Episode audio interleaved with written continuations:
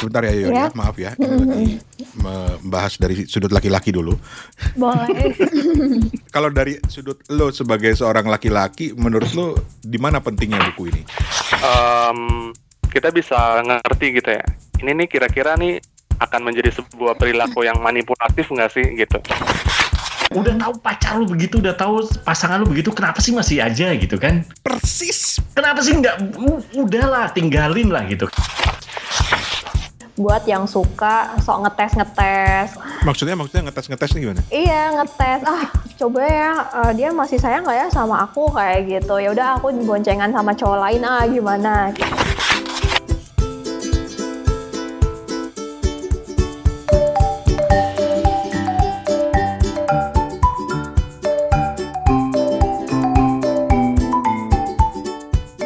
Kawan-kawan kita ketemu lagi di Kepo Buku, sebuah podcast yang dipandu oleh tiga orang bapak-bapak dan paman-paman. Satu ada di Ambon, ada Steven. Satu ada di Singapura, namanya Toto. Dan satu ada di Bangkok yang paling ganteng dan Dan paling tua. lu gitu lu. Lu nggak asik lu. Nggak asik. Asik justru, justru gue bilang lu paling tua karena kita harus menghormati orang yang lebih tua. Gua nggak mau dihormatin. Lo maunya, lo maunya dianggap lebih muda gitu ya? Gaul dong gimana sih lo? Oh, gimana ya benar-benar. Van, menurut lu gua sama Toto gantengan mana? Aduh, ini pertanyaan yang sulit ya. Ntar dibilang beda-bedain lagi sama pendengar nih. Itu bisa aja loh. Iya, takutnya nanti kepo buku jadi ada kepo buku tandingan nanti kalau jawabannya terlalu jujur. Iya. Oke. Dan hari ini kita ada tamu spesial dan juga ada buku spesial yang mau kita bahas. Makanya kita undang penulisnya. Judulnya itu adalah Toxic Relationship. Tapi I-nya dipakein tanda bintang. Hmm. Jadi Toxic Relation Shit. Bagaimana sindrom gadis baik menjebakmu dalam hubungan tidak baik. Dan penulisnya adalah seseorang yang sudah familiar dengan kepo buku. Bahkan pernah ada eh, satu orang yang DM kita di kepo buku dan bilang, Bang, please, please bang, ajak Mbak Yori lagi ngomongin soal sexual relationship. maunya. Maunya gitu. Tapi Yori ini bukan hanya ngomongin soal seks melulu karena mentang-mentang seorang seksolog, tapi juga banyak aspek lainnya lah. Udahlah kita panggil aja lah ya orangnya. iya, eh, malam ini kita merayakan terbitnya buku terbaru dari Mbak Yori. Nama lengkapnya Diana Mayorita. Halo, selamat malam. Selamat kembali ke Kepo Buku, Mayori. Halo Mas Steven, Bang Rane, dan Mas Toto. Halo. Apa kabar nih? Sehat, semuanya? sehat Yori, sehat. Alhamdulillah. Sehat. Udah lama nggak ketemu, tiba-tiba nongol udah bukunya dan di mana-mana tuh di media sosial Yori jadi jadi narasumber untuk bukunya karena bukunya ini keren banget gitu loh. Betul, Tapi betul. masalahnya gue udah baca Yori, bahkan gue Mm. sombong gue draft draftnya aja gue udah baca. kok bisa? Oh, gue narasumber utama men. enggak deh, enggak deh. Jadi kenapa kita ajak juga penulisnya langsung ya biar lebih akurat, lebih afdol gitu dan juga karena kami bertiga nih laki-laki yang sering dianggap sebagai penyebab toxic relationship. Nah Konon. itu menariknya sih, soalnya kok ini tiga bapak-bapak kok mau banget bahas buku soal perempuan gitu. Loh, anak saya perempuan. Istri saya juga perempuan. Eh, Steven, Steven, Hmm, ya karena ini buku yang perlu dikenal orang lah. nah gitu. Maksud gue mau mancing. Gue mau mancing. Steven bilang pacar gue perempuan gitu. Eh.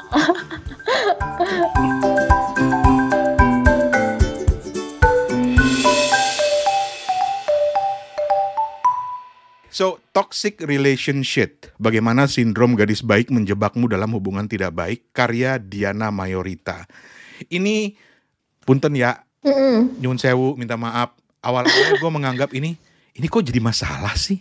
Hmm. Mungkin karena gue melihat dari sudut pandang orang yang sudah berumur, sudah dewasa, laki-laki pula gitu. loh. Mm-mm. Terus gue semakin baca ke dalam, makin baca ke dalam, gue bilang, wih ini masalah serius loh. Hmm. Masalah yang sangat serius. Justru karena itu, makanya kita pikir kita harus membahas masalah ini. Nah, Steven nih udah baca nih. Pen, kalau menurut lu sendiri kenapa sampai lu bilang ini masalah yang sangat penting buat kita semua tuh gimana? Kenapa, Pen? Eh, ya, di buku ini tuh diceritakan kalau ada sebuah yang disebut itu hubungan yang beracun gitu, hubungan yang toksik gitu. Mhm. Dan kalau kita lihat di buku ini, di bagian awalnya tuh mestinya ti- cinta tidak melukai gitu ya. Hmm. Ini biar ada gambaran untuk teman-teman semua. Terus ada girls, mulai hargai dirimu. Terus putuskan tali yang menggantungmu. Mhm. Dua bab terakhir, katakan tidak pada pasangan bermuka dua dan enggak ada waktu untuk cinta obsesif. Jadi, eh, I mean ini sebuah apa ya, sebuah guidance gitu ya, sebuah ya, boleh dibilang juga sebagai manual book bagaimana sebuah relasi itu bisa setara gitu ya, relasi yang eh, more or less lebih baik, lebih sehat gitu ya, Mhm. ketimbang yang ditonjolkan di buku ini, yaitu adalah tumbuh, hubungan yang toxic gitu. Hmm. Yori, sebentar ya Yori, Ya. ya. maaf ya. Ini lagi membahas dari sudut laki-laki dulu. Boleh. Kalau dari sudut lo sebagai seorang laki-laki, menurut lo di mana pentingnya buku ini? Em, buku ini tuh kayak bisa apa ya bisa menjadi sebuah batasan aja gitu ya batasan ketika kita menjalin sebuah relasi gitu ya jadi kita bisa ngerti gitu ya ini nih kira-kira nih akan menjadi sebuah perilaku yang manipulatif nggak sih gitu. Jadi kita udah ngerti duluan gitu ya. Jadi diharapkan apa ya bisa bisa apa ya bisa membuat hubungan yang lebih baik lah gitu menurut aku. I- itu kan dari sudut pandang eh, eh, perempuannya ya, wanitanya ya. Kalau dari sudut lo sebagai laki-laki, ya itu tadi juga ya biar uh, si lakinya tuh juga ngerti oh uh, build relationship-nya tuh yang koheren tuh kayak gimana sih gitu hmm, oke. Kalau lo tau, ini ini buat gue, buat gue dan gue nggak mewakili generasinya Toto lah, karena Toto generasinya lebih tua. Tapi eh buat gue ini istilah baru loh, toxic relationship itu karena mungkin mungkin mungkin selama ini gue take for granted aja bahwa sebenarnya ada masalah seperti ini gitu dan ketika Hmm. dalam masalah hubungan antara eh, pria dan wanita Hmm. itu kadang-kadang dominasi prianya itu masih sangat besar sehingga kita take for granted bahwa sebenarnya bentuk cinta yang kita berikan itu ternyata bisa juga mengungkung. Hai lah, gila gue ngomongnya. Wih, serem gue ngomongnya. itu, tapi gue baru tahu istilahnya itu toxic gitu loh. Toxic itu Hmm. itu itu istilah yang yang berat banget. Kalau lu sendiri Kalau gue sih baca sih sering banget gitu dengar kata toxic relationship, eh relationship ya, so, nggak nggak pakai shit ya, relationship gitu kan. Toxic banget sih lu punya punya hubungan sama pacar gitu kan, misalnya kayak gitu atau sama sama pasangan gitu. Cuman eh gue jujur aja mm, jarang gitu ngerti contoh kasusnya apa sih yang eh, yang disebut toxic gitu kan ya. Nah pas Steven baca buku ini, gue jujur aja nggak- tahu sih eh, Yor karena gue ya gue mau jujur aja gue nggak penggemarnya Yori sebenarnya. tapi tapi tapi gini, tapi gini, gue gue gini, gue tuh jujur aja lah ya orang gue nggak pertanyaan lu ngikutin tuh toxic tuh. Iya, lanjut lanjut. gue nggak ngikutin celotehyori.com gitu kan ini jadi gue baru tapi Steve waktu itu pernah posting di eh, apa namanya eh, eh, di grupnya kepo buku gitu eh, Yor. Terus eh, dia eh Yori ini nerbitin buku gitu. Wah, langsung gue cari di di di marketplace. Kebetulan gue tinggal di Singapura gitu kan. Terus langsung gue beli. Nah beda dengan Rane yang marketplace-nya tidak menjangkau di sana gue bisa dapetin buku Indonesia dari marketplace di Singapura gitu. Dan gue termasuk orang yang beli Yor. Jadi gue kalau minta tanda tangan lo. Daripada cuman dapetin dari lu gue lebih eh, eh, gua udah dapet draftnya. Sombong gua mah. Lanjut. Iya, kalau gue beli, gue beli khusus, Wah, gitu. Karena gue Terus, terus, tapi gini, tapi tapi gini, tapi menurut gue bagus banget gitu ya. Jadi gue pengen tahu sebenarnya apa sih yang kategori toxic relationship ini? Karena lu tahu sendiri ya, gue tertarik banget sama sama yang namanya hubung-hubungannya dengan psikologi. Kebetulan juga gue di kantor pegang yang namanya mental health eh, ally gitu ya. Salah satunya ya mungkin dari relationship, dari kerjaan kayak gitu. Dan gue selalu tertarik melihat yang kayak gini-gini nih gitu. Apa sih kayak gitu kan? Jadi buat ukuran secara pribadi buat ukuran gue sendiri, apakah gue termasuk orang yang mengakibatkan toxic relationship itu sendiri gitu ya? Pertama itu sebagai pribadi. Kedua, termasuk juga walaupun kita bukan profesional, minimal gue bisa tahu kalau dan mengarahkan orang ini harusnya ke mana gitu untuk menemui uh, uh, profesional kah, either psikolog atau psikiater gitu untuk untuk konseling lebih lanjut gitu kan. Kalau kalau gue di kantor kan gitu, gue sebagai mental ally, kita bukan we are not professional, tapi paling nggak lu bisa dengerin orang dan lu bisa channeling to the right uh, siapa gitu pro, uh, profesional, either psikolog atau apa gitu kan. Nah ini membuka banget. Uh, nanti mungkin kita bahas ya. Tapi gue gue jujur banget seneng banget gitu buku ini karena buku ini tuh nggak cuman gue langsung aja gitu ya. Ntar lu potong-potong ya Ran ya. Jadi buku ini tuh ada ada ada ceknya gitu yang gue suka gitu dan dan Oh, gue checklistnya. oh ada checklistnya itu sih yang gue suka gitu. Terus ada ada definisi kayak misalnya di satu buku ini cinta obses eh, obsesif ya ob, ob- obsesif ya itu atau apa gitu Hmm. manipulator tuh apa terus ada cek lu tuh terjadi di situ tuh kalau kira-kira gitu. Ada ya gue paling suka kan gitu zaman zamannya bikin majalah.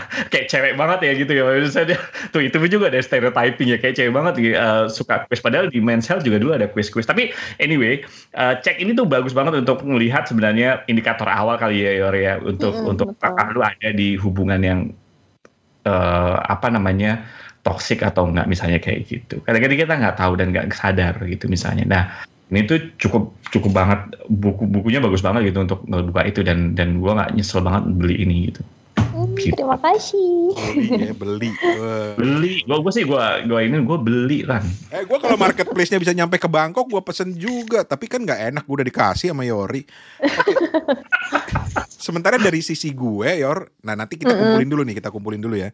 Sementara dari sisi gue, yang benar-benar gue sadarin setelah gue membaca ini, dan gue baca loh Yori, karena awalnya ya gue cuma pamer, pamer aja sih, gue bilang gue. Tapi yang paling menarik dari dari itu adalah bahwa seperti yang gue bilang tadi, Yor, gue kayaknya selama ini take for granted sebagai laki-laki gitu loh, bahwa tanpa sadar kadang-kadang kita menyakiti, tapi nggak tahu ini benar apa enggak kalau dari sudut pandang lo, karena buat gue yang gue tangkap dari buku itu, gue begini nih, hah, oh jadi ini termasuk nyakitin ya, oh ini juga gitu loh. Itu hal-hal yang seperti itu yang kadang-kadang eh, take for granted. Saya tidak bermaksud membela laki-laki, tapi karena Eke laki-laki, cing. Eh, kalau gitu kita langsung ke penulisnya aja deh, Yori. Eh, mungkin eh, awal sekali sebelum lu nanggapin komentar Steven Toto sama gue, sebenarnya buku ini ini kalau dari sisi penulisnya itu eh, tentang apa dan ditujukan untuk apa sih? Oke, jadi eh, sebenarnya sih eh, pembahasan soal toxic relationship itu tuh udah banyak banget ya Bang Rane ya dan semuanya.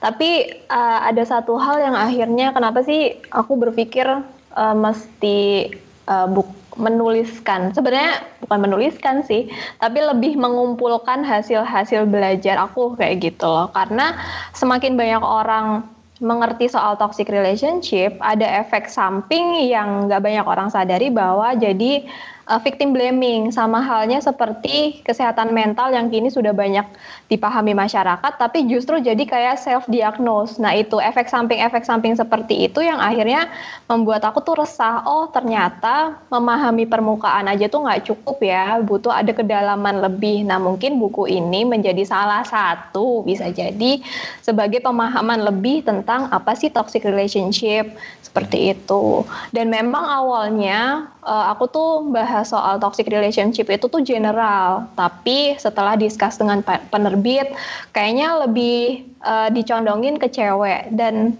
setelah aku pikir-pikir lagi, iya karena apa? Secara banyak korbannya tuh lebih banyak ke cewek, tapi juga secara apa ya? Aku melihat secara kultur banyak perempuan-perempuan tuh yang nggak diajarkan uh, Hmm.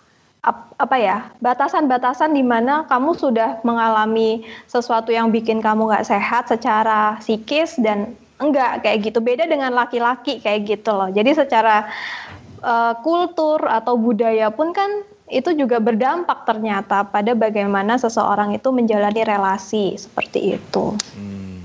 Terus kalau dari segi penafsiran kami bertiga tadi gimana Yori nanggepin? karena ya, ya nyun sewu sekali lagi karena ini dari sudut pandang laki-laki kan. Bahkan bahkan gue yang yang salah satu yang inget di buku itu adalah ketika Yori bilang bahwa Hmm. istilah wanita aja itu ternyata mencerminkan budaya patriarki loh. Nah, karena menurut Yori pernah kata wanita itu diambil dari kata tuh wani ditata. Ditata. Iya. Yang uh, jadi waduh jadi salah lagi gitu loh. Sebenarnya akhirnya bukan soal oh, salah atau benar gitu ya, tapi lebih kita mengkritisi lagi sih. Ternyata ada kondisi-kondisi tertentu yang butuh direvisi kayak gitu loh, Hmm. Bang. Karena kayak misalnya kenapa uh, nice girl syndrome itu sebagai highlight karena kan kita perempuan di Indonesia khususnya tuh yang terlalu banyak aturan dari kita kecil gitu loh. Cewek tuh harus ini itu dan lain sebagainya. Sedangkan laki-laki tuh lebih dibebaskan. Nah, mungkin eh, secara perlakuan itu juga yang akhirnya membuat kenapa sih perempuan itu lebih banyak mengalami eh, menjadi korban Hmm. toxic relationship kayak gitu. Makanya kan eh, aku seneng banget ketika ada cowok-cowok dan bapak-bapak yang juga ikut membaca. Sebenarnya bukan akhirnya jadi laki-laki tuh salah lagi, salah terus kayak gitu bukan, tapi lebih pada oh ternyata yang awalnya nggak care itu jadi care kayak Bang Rane kan. Oh, yang sebelumnya gue nggak peduli tuh jadi oh ya ternyata kayak gini tuh bisa jadi toxic ya buat orang lain kayak gitu. Itu dia. Gue itu kan kerjaan gue kalau mau tidur tuh kan gue stalking Twitter. Dan gue sering sekali gemes gitu karena di Twitter tuh nggak tahu jadi tren apa enggak, tapi banyak sekali eh, perempuan yang yang kemudian sharing tentang pengalamannya dan gue gemes gitu loh. Lu kok mau aja digituin sama laki-laki gitu loh. Udah jelas-jelas dia itu toxic istilahnya. Udah jelas-jelas dia itu nyakitin lu bahkan secara fisik. Kenapa lu masih mau dengan alasan aku sudah cinta padanya gitu loh. gue nggak masuk akal gitu loh. Walaupun kemudian gue gua gua gua kagetnya lebih kaget lagi karena ini anak-anak dari generasi-generasi yang yang harusnya lebih modern loh pola pikirnya. Tapi ternyata remaja-remaja ini bahkan yang laki-lakinya masih bergaya patriarkis banget yang gue cowok banget lu harus nurut sama gue sementara yang ceweknya gue melihat kecenderungannya sebagai punya perilaku yang sangat submisif gitu ya. Udahlah mau diapain lagi gitu. Gemes gitu loh ya orang ngeli- nge- ngelihatnya dan mungkin karena gue punya anak perempuan kali ya. Makanya gue bilang kalau gue punya pacar anak gue kayak begini gue uber bener. Gue uber. Maaf jadi emosi. Ya gimana ya bang, karena hal-hal seperti ini tuh kan nggak diajarkan. Gimana ya, Eh, kesetaraan itu kan masih tabu sih. Jadi kayak bukan tabu kayak soal seks ya, tapi lebih pada ya itu banyak kepentingan-kepentingan kenapa perempuan dan laki-laki tuh tidak segera disetarakan kayak gitu. Ya kayak ibaratnya RUU PKS aja masih disendet-sendet. Nah itu aja salah satunya kayak gitu. Tapi kan kalau kalau lihat lintas generasi gitu, gue tertarik kalau Rani tadi bilang kan kalau zaman dulu gitu kan. Tapi kalau eh, dilihat lintas generasi misalnya sa- sa- satu dua dekade gitu, eh, persoalan ini secara basic tetap ada ya ternyata Iya kan? ya. nggak nggak ada perubahan kan Nggak ada perubahan seakan-akan kalau.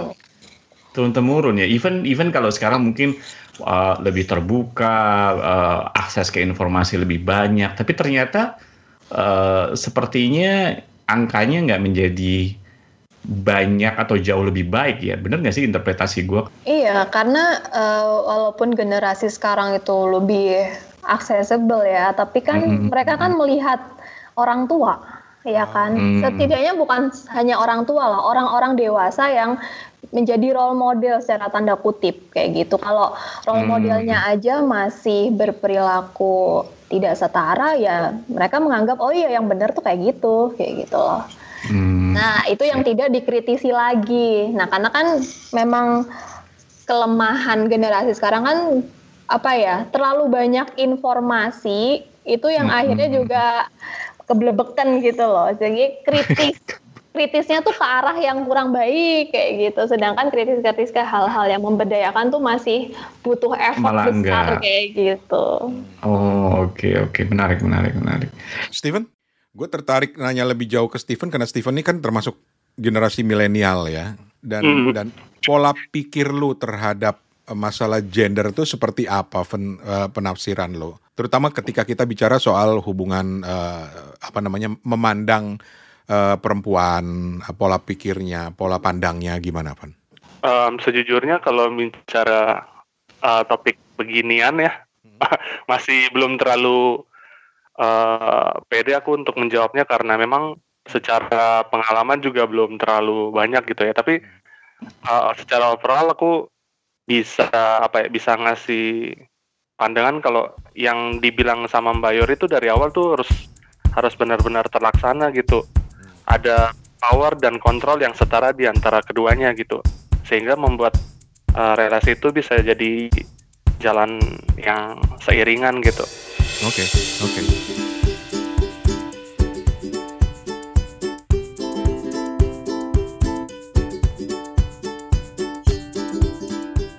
Uh, apa ya? Aku cuma pengen bilang kalau uh, ketika kita baca buku ini kita bisa jump in dengan apa yang pengen kita baca dulu. Kalau pengen tahu uh, cinta obsesif, kita langsung bisa nyemplung aja tuh tanpa kita harus baca dari awal. Mestinya cinta tak melukai, gitu gitu. Jadi uh, ini benar-benar aksesibel uh, apa yang menjadi concern anda-anda semua para pembaca pengen tahu yang kayak gimana dulu nih? Kayak yang pasangan bermuka dua misalnya. Ya udah langsung ke halaman 103 gitu. Hmm. jadi benar-benar topik per topiknya tuh di didedahkan disorot dengan dengan baik gitu. Gue nyambung uh, dari Steven ya. Mm Lu tuh ngurutin dari babnya ini buat teman-teman ya mungkin ya nanti uh, dilihat bukunya. Um, diurutkan dari yang paling sering terjadi atau lu cuma ngacak aja taruh di ini bab satu, bab dua, bab tiga itu atau bagian satu, bagian dua, bagian tiga atau memang itu ketika lu urutkan gitu memang itu yang paling sering terjadi sampai akhirnya yang lebih jarang terjadi atau gimana? Ada ada logis kayak gitu nggak? Atau atau jangan-jangan ini baru sebagian dari sedemikian banyak permasalahan gitu ya? oh, iya mungkin mungkin juga. Iya kalau kalau apa sebagian ya memang ini masih sebagian ya. Kalau secara hmm. urutan sih iya sih karena yang bab pertama itu kan hmm. tentang kekerasan ya. Karena hmm. itu yang sering kali terjadi dan itu juga case-case yang awal-awal aku praktek sebagai psikolog itu langsung menangani juga berane. Jadi ter, terlalu banyak hal yang melekat di kepala jadi aku tulisin dulu kayak gitu. Nah itu kan juga secara bab itu pun juga lebih banyak karena itu lebih kompleks kayak gitu. Tapi tolonglah bantulah saya yang bapak-bapak ini untuk memahami karena terus terang nih kayak misalnya nih ya ada bagian ketika bagaimana kita mengenali ciri-ciri pelaku kekerasan gitu. Mm -hmm. Ada misalnya yang uh, seorang pencemburu yang yang ekstrim gitu ya. Dan akhirnya banyak orang salah kaprah bahwa uh, ya termasuk gue sih cemburu itu artinya cinta jadi gimana sih Yor lu bisa sampai mm -hmm. ketemu pada kesimpulan-kesimpulan ini misalnya ya dalam konteks tadi untuk mengenali eh, sosok-sosok uh, yang yang uh, punya ciri sebagai pelaku kekerasan itu gimana sih Yor prosesnya? Uh, prosesnya tentu aja nggak cuman dari beberapa referensi ya bang ya, tapi kan juga secara real yang aku temuin juga. Oh ternyata jadi kayak apa ya mix and match sih sebenarnya. Tapi ya memang kayak cemburu masih diibaratkan cinta itu yaitu tanda cinta sebenarnya udah salah kaprah dan memang itu kan hmm. yang sering kali diajarkan apalagi nih buat yang suka sok ngetes ngetes kayak gitu loh. Maksudnya maksudnya ngetes ngetes nih gimana? Iya ngetes. Ah coba ya uh, dia masih sayang nggak ya sama aku kayak gitu. Ya udah aku boncengan sama cowok lain ah gimana? Kayak hmm. gitu. Itu kan sebenarnya tanda dia sendiri juga nggak percaya kalau dia tuh patut dicintain kayak gitu. Hmm. makanya hal-hal seperti itu yang perlu kita kritisi lagi. Kemudian juga romantisasi uh, film yang sebenarnya itu tuh toksik kayak Romeo and Juliet. Itu kan film yang jadul banget tapi masih melekat sampai sekarang. Oh, namanya cinta tuh ya sehidup semati kayak gitu. Padahal kan itu sebenarnya romantisasi toxic relationship, relasi yang nggak sehat kayak gitu. Hmm. Wow. gue terus terang terbuka matanya untuk untuk melihat uh, membaca buku ini karena gue banyak nemuin hal yang lagi-lagi take for granted. Gue pribadi misalnya gue besar di lingkungan keluarga ibu gue misalnya uh, hmm. kita diajarkan untuk menghargai uh, perempuan gitu. Gue pernah loh ini pengaruh film dan mungkin ini bisa jadi Hmm. gambaran juga. Gue pernah waktu itu lagi nonton film sama keluarga di ruang tamu. Gue inget banget waktu itu gue masih SMP di Pondok Gede. Terus ada adegan di film. Terus gue nyeletuk gitu. Ya perempuan mah di mana-mana emang di dapur ujung-ujungnya gitu. Dicabein mulut gue, dicabein. Ditarik-tarik, dicubit-cubit mulut gue beneran gitu loh.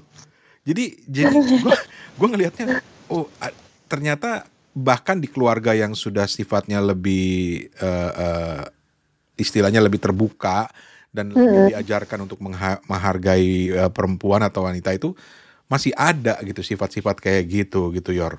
Iya, ya gimana pun kan walaupun keluarga, tapi kalau lingkungan di luar keluarga masih banyak yang terlihat seperti itu kan akhirnya kan ya itu sih Bang Rane kayak eh, apa yang kita lihat lebih banyak itu kan seakan kita generalisir oh yang benar kayaknya gini deh gitu dan sebagainya padahal kan belum tentu nah beruntungnya sih Bang Rane berada di keluarga yang mengajarkan kesetaraan dari kecil kayak gitu loh Kalau lu Van gimana Van?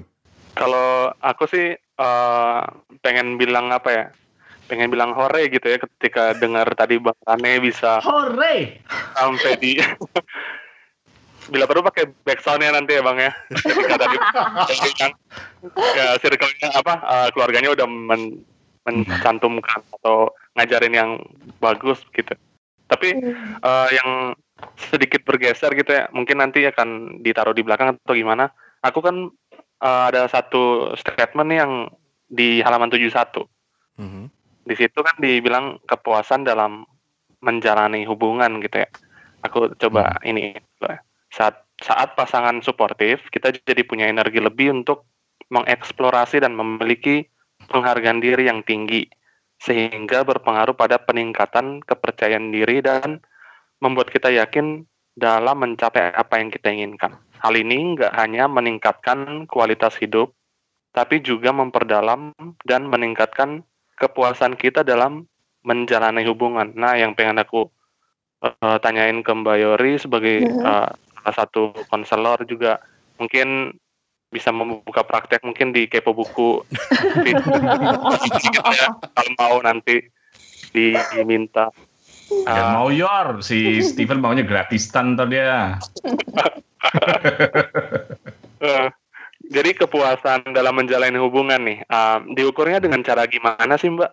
Gitu, Hmm. kebahagia, eh, kepuasan nih mungkin bisa disinonimkan juga dengan kebahagiaan atau keselarasan mungkin kali ya, gitu. Oke, eh, kepuasan atau kebahagiaan itu kan sebenarnya subjektif ya. Tapi eh, hal yang paling gampang adalah ketika kita mencirikan kita tuh lebih baik dari yang sebelumnya atau enggak sih.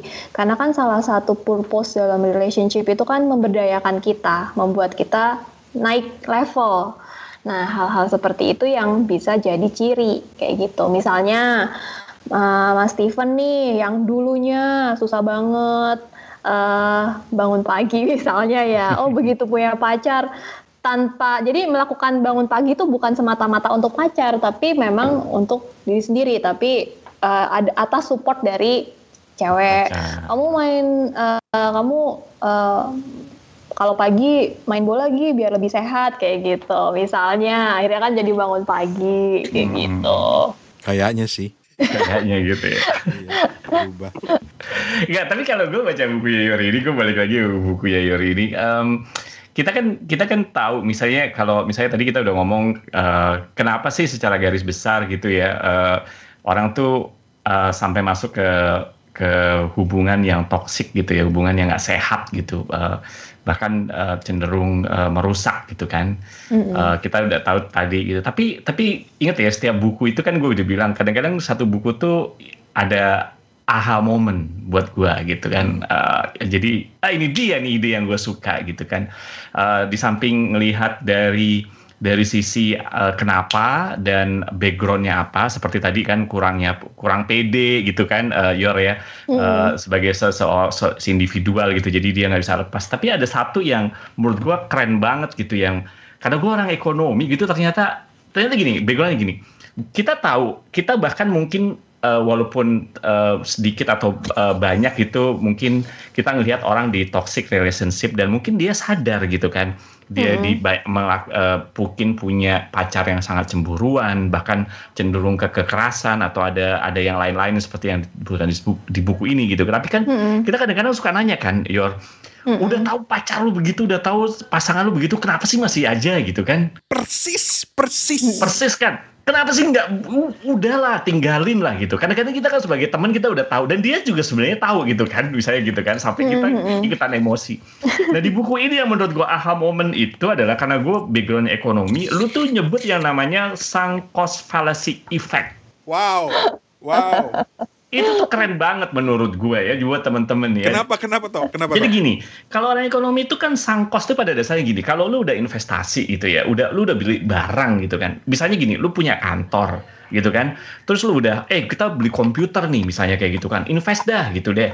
Invest lu beli komputer yang begini begini begini begini begini. Ternyata di kemud di di nggak lama kemudian lu sadar bahwa komputer yang lu beli itu nggak cocok buat kerjaan lu misalnya lu tuh butuh untuk bisa ngedit video. Ternyata komputer yang lu beli nggak bisa buat edit gitu. Tapi lu udah terlanjur ngeluarin duit kan. Akhirnya apa? Kebanyakan orang tuh punya sang kos itu artinya lu harus keluarin duit itu, lu harus buang gitu ibaratnya kan gitu kan untuk ganti lagi investasi. Tapi sang cost fallacy ini gini. Jadi ada biaya yang kalau di ekonomi tuh lu komputer udah lu beli itu kan biayanya harus diangusin gitu kan.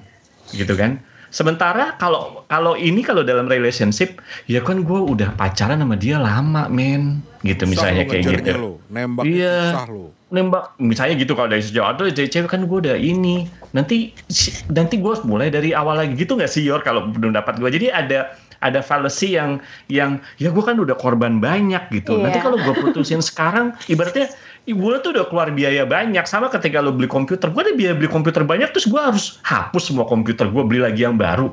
Sama aja sebenarnya. Nah itu tuh kena banget buat gue mungkin juga menurut lo buat gue tuh kena banget. Ah ini dia nih jawabannya di kebanyakan orang nih. Mungkin gue juga begitu ya. Mungkin maksud dan itu mungkin relationship yang mungkin gue sama teman juga gitu. Gue udah temenan sama dia lama gitu kan.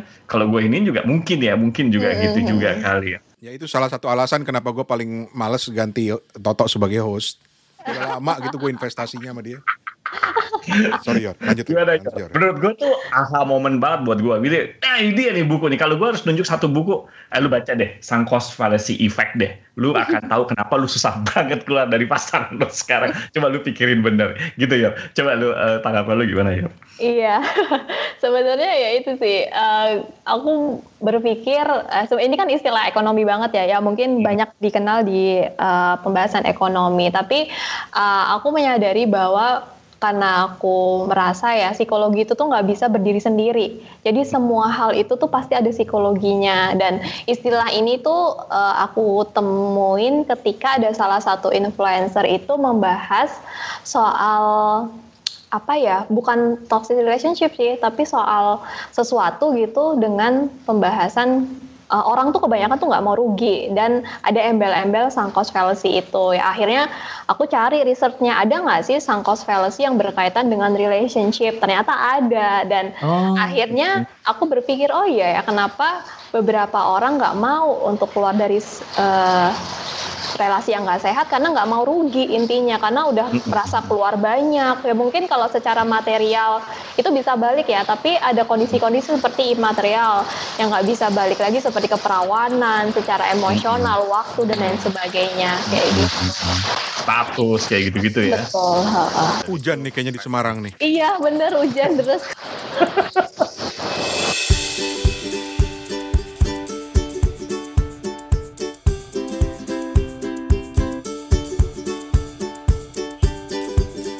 ini kita sudah mendekati akhir. Oper ke Steven lagi nih. Ada ada hal lain nggak yang menarik perhatian lo dari buku ini?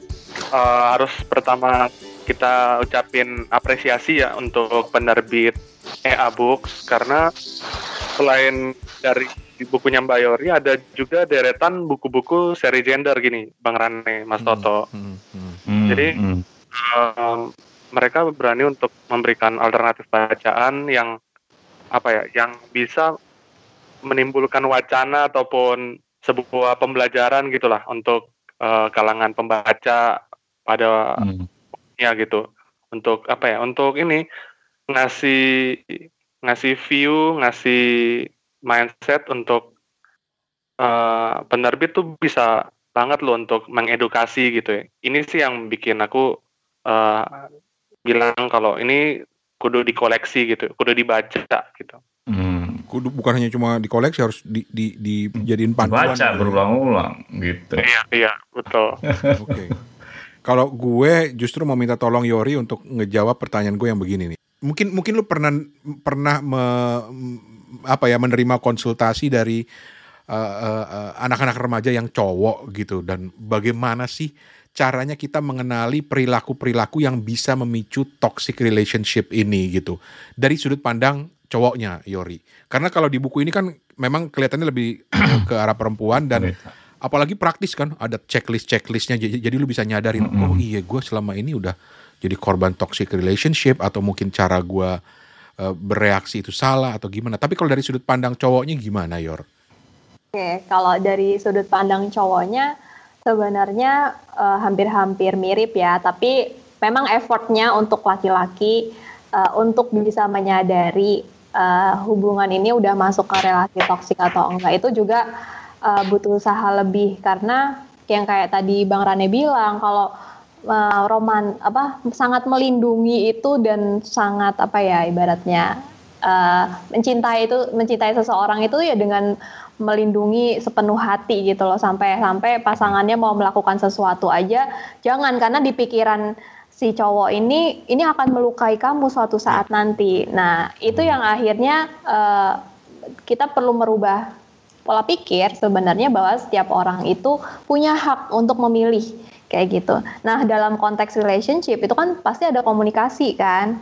Nah, komunikasi yang bisa dibilang setara adalah ketika uh, ada negosiasi di dalamnya ketika ada sesuatu yang menjadi suatu perdebatan. Misalnya nih laki-laki merasa itu nggak baik buat cewek, tapi banyak laki-laki di luar sana tuh yang nggak memberikan kesempatan ceweknya untuk uh, memberikan alasan atau setidaknya membuktikan bahwa ini nih baik buat dia kayak gitu. Hmm. Setidaknya dari situ dulu sih karena uh, kemunculan toksik itu berawal dari komunikasi yang nggak sehat. Kalau misalnya komunikasinya sudah lebih dominan laki-laki, nah itu bisa menjadi pertanda. Atau ketika dari perempuannya sendiri yang sudah kayak ketergantungan banget kayak gitu loh. Apa-apa pengen diladenin apa-apa pengen dimanjain. Nah kalau dari hmm. sisi laki-laki kan kadang suka-suka aja ya dapet cewek kayak gitu. Tapi kalau iya karena merasa oh uh, maskulinitasnya tuh uh, dibutuhkan sekali kayak gitu loh. Padahal sebenarnya itu kan sudah membangun relasi yang di uh, apa ya nggak sehat juga kayak gitu. Jadi perlu di highlight bahwa toxic relationship itu tidak selalu tuh kekerasan, enggak. Ketika hmm. seseorang itu sudah apa ya, sudah nggak nyaman dalam suatu relasi tapi memaksakan diri untuk terus bersama itu juga ujung-ujungnya juga nggak sehat secara hubungan kayak gitu. Itu salah satunya ya Bang Rane ya. jadi jadi memang ya two way ya sebenarnya ya. Karena gue terus terang penafsiran gue ketika baca ini ya mungkin karena gue salah penafsiran atau gimana tapi gue selalu menganggap wah ini laki-lakinya nih kayaknya. Tapi ternyata seperti lu bilang tadi, kadang-kadang perempuannya juga punya perasaan begitu kan bahwa gue kan perempuan, gue harus dilindungi gitu ya. Iya, makanya uh, kenapa itu tadi pembahasan nice girl syndrome itu kan salah satunya cewek baik itu kan cewek penurut, cewek baik hmm. itu cewek yang manja, nggak bisa melakukan segala sesuatunya sendiri. Jadi perubahan itu tuh bukan hanya dari sisi pelaku ya, yang kebanyakan laki-laki, nggak semua. Tapi juga dari sisi korban juga. Kayak kalau dari sisi perempuannya tidak segera wake up atau segera belajar untuk gimana sih caranya untuk berdaya atau bisa berdiri di kaki sendiri ya, relasi toksik itu akan terus ada di mana pun itu. Toto lagi menghitung sunken cost fallacy-nya. Tapi mungkin uh, terakhir aja dari gue gitu, uh, Yor. Kalau misalnya kita udah tahu gitu ya, misalnya uh, kita sebagai perempuan misalnya gitu kan, atau siapa pun yang kita udah ada di toxic relationship gitu kan ya misalnya. Mm-hmm. Um, Sebenarnya jalan terbaik apa sih uh, yang yang harus mereka lakukan gitu, uh, terutama sebagai seorang perempuan? Apakah um, kalau meminta bantuan tuh kalau dalam konteks Indonesia tuh ke mana gitu loh maksudnya. Uh, hmm. Itu dia kan kadang-kadang kan uh, apakah gua harus ke psikolog, apakah gua uh, gimana gitu supaya supaya mungkin gue mungkin dengan baca buku ini gue sebagai seorang perempuan tahu gitu oh gue ada toxic relationship tapi gimana gitu cara uh, gue harus minta bantuan kalau gue pengen keluar dari sini menurut lu gimana secara praktis terutama dalam konteks Indonesia nih gitu oke okay. kalau konteksnya toxic relationship yang sudah mengandung kekerasan hmm. itu sebenarnya e, banyak kita sarankan untuk ke lembaga bantuan yang memang uh, concern di kasus-kasus tersebut. Sebenarnya udah banyak banget seperti LBH Apik atau mm-hmm. kalau di Jakarta itu Yayasan Pulih kayak gitu. Mm-hmm. Tapi sebenarnya yang hal pertama adalah kita melihat support sistemnya dulu gimana. Karena kadang ada korban-korban yang sebenarnya udah mau nih mencari akses untuk uh, pemulihan atau apa pun itu, tapi dari support sistemnya tidak mendukung, seperti misalnya dari keluarga atau dari teman-teman terdekat yang suaranya itu lebih dominan. Karena kan balik lagi kadang kita tuh kan mendengar atau mencari pendapat dari orang-orang terdekat dulu. Nah, kadang itu hmm. yang akhirnya membuat nggak jadi lagi, aduh ragu-ragu lagi. Tapi ketika memang sudah mendapat support system yang baik, nah itu bisa ke psikolog. Sekarang layanan psikolog itu banyak banget yang online dan semua psikolog pun juga menangani case-case secara dasar ya soal hubungan yang nggak sehat itu sudah banyak sekali kayak gitu. Dan jangan takut ke psikolog ya Iya. Uh, ya. Uh, zaman sekarang itu kalau zaman kit gua gitu misalnya dulu orang kayak agak-agak ke psikiater atau ke psikolog gitu kayaknya masa lu ke situ sih? Kenapa emang lu gitu kan? Hmm. tapi pas sekarang tuh jangan oh, oh lu ya maaf maaf aja gitu. Kenapa lu sampai ke situ gitu ya? Jangan jangan hmm. jangan ini kali mungkin di saran kita ya. Karena ya biasa aja gitu. Kalau emang lu butuh bantuan harus ke psikolog ya ke psikolog gitu. Yeah. dan dan tapi itu tadi yang poin lo ya sebenarnya gue mau bilang. Gue tunggu buku lu tentang bagaimana menjadi support system yang baik karena itu ah. poin yang bagus banget. Ya kalau kalau ya karena karena gua gua gua misalnya gitu oke okay lah kita memang bukan dari bagian toh tapi kan kita mungkin kita punya harus mensupport teman kita gitu kan. We are not professional seperti tadi gua bilang uh, di awal-awal kan tapi kan kita juga nggak bisa lepas tangan dia ada support system gitu. Kita sebagai keluarga sebagai teman dekat sebagai saudara gitu. Mm-hmm. gue tunggu yor bukunya yor. Yes, atau psikolog siap, ya, okay. Yori langsung dapat ide lagi nih buat buku keduanya nih. Iya karena kan karena kan kita memang bukan dididik sebagai seorang psikolog kan. Ya kita juga seorang bukan profesional tapi support system tuh memang kritikal banget kan, krusial banget gitu kan ya Yorian. Ya makanya gue tunggu ya buku lu gitu. Gue sekarang pengen ke Steven lagi. Apa poin yang paling penting kalau kata Toto tadi apa tuh istilahnya aha moment apa apa? Aha. atau atau nah ini dia nah nah, nah ini dia momen ketika lu membaca buku ini. Hmm. Oh ya ya ya ya. Aku pengen bilang tanggapan untuk apa uh, Mas Toto aja dulu ya, yang tadi okay, nyambung okay. dulu. Hmm. Uh, karena di wawancaranya Mbak Yori sama Sofi Mega di YouTube kemarin kan Mbak Yori kan bilang kalau uh, ngomong ke teman, ngomong ke orang tuh juga harus hati-hati loh. Apakah orang ini bisa-bisa nanti malah uh, meremehkan si si pelapor gitu, temannya yang hmm. lagi curhat misalnya dalam arti kayak uh, merendahkan gitu ya? Atau gimana sih? Aku juga sedikit uh, susah untuk jelasinnya. Nah kalau kayak gitu kan mending sekalian ada practical guide-nya tuh untuk uh, pertolongan pertama dalam sebuah hubungan gitu kali ya. Yang bisa yang bisa jadi uh, pegangan nih untuk teman-teman dekat gini loh. Uh -uh. lalu uh, aha momennya tuh ini di di halaman 100 bahagia tuh hak setiap orang. Uh, namun butuh diperjuangkan. Nah perjuangannya tuh seperti apa?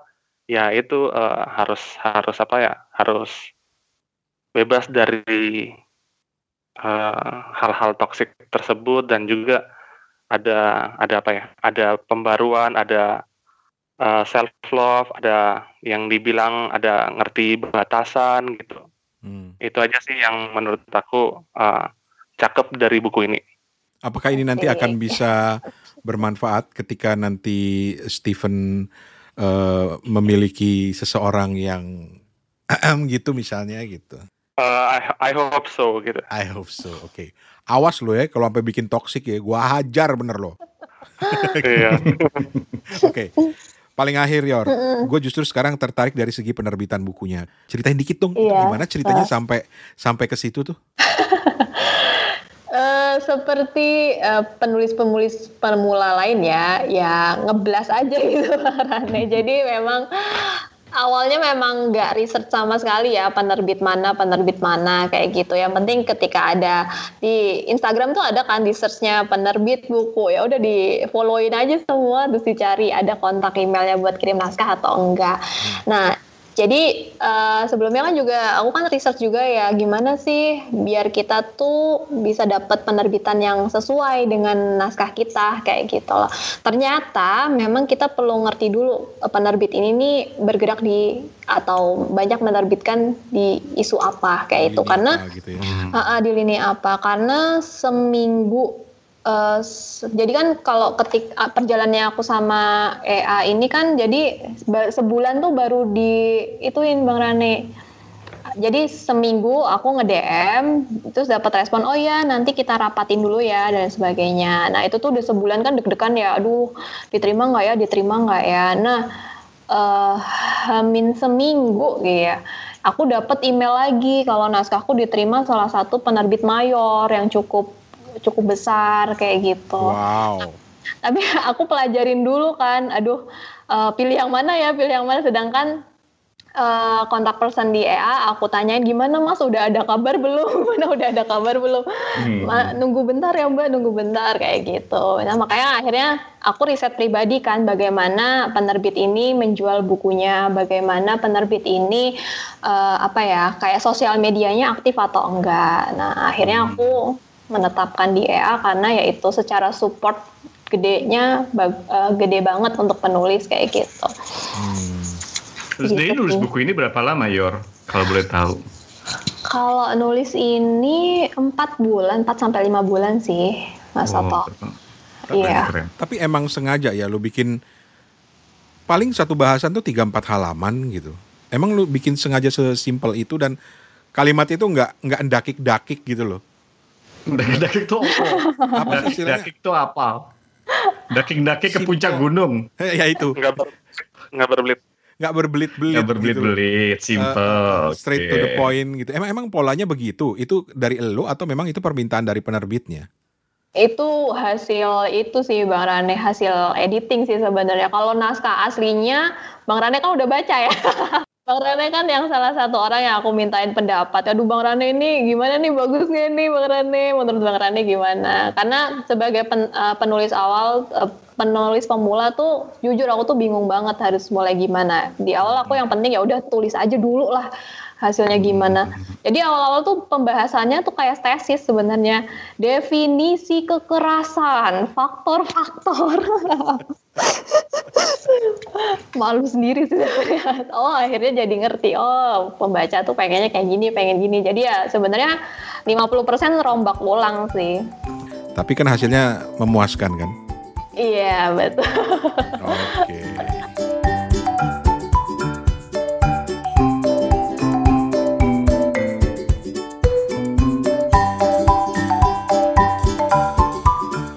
Oke, terima kasih banyak Yori.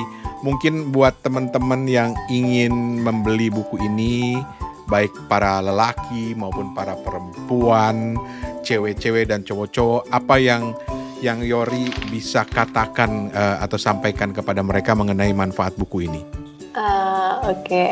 Uh, sebelumnya aku nggak pinter marketing ya, tapi aku percaya, aku percaya setiap buku itu pasti uh, akan berjodoh pada pembaca yang membutuhkan dan semoga teman-teman yang mendengarkan podcast ini salah satunya yang juga berjodoh dengan buku aku seperti itu. Untuk pembahasan sih uh, mungkin dalam podcast ini juga udah banyak ya atau beberapa sih dibahas tentang isinya tapi uh, sebenarnya inti dari buku ini adalah yaitu bahwa setiap kita tuh berhak untuk bahagia dan berhak untuk menjalin relasi yang lebih sehat saja. Keren banget. Ini ini, ini lagi lihat lagi lihat apa uh, cover belakangnya nih kan celoteori.com lah ini paling paling awal lah kalau misalnya pengen tahu info-info kayak gini. Atau ke Instagramnya di celoteh.yori. Betul. Yep. Thank you Yori. Sama-sama. Thank you, Yori. Iya, sama-sama. banget. Terima kasih juga. Selamat untuk terbit buku Toxic Relationship. Ah, Yeay. Oke. Thank you ya Yori. Iya, Thank you, ya. sama-sama.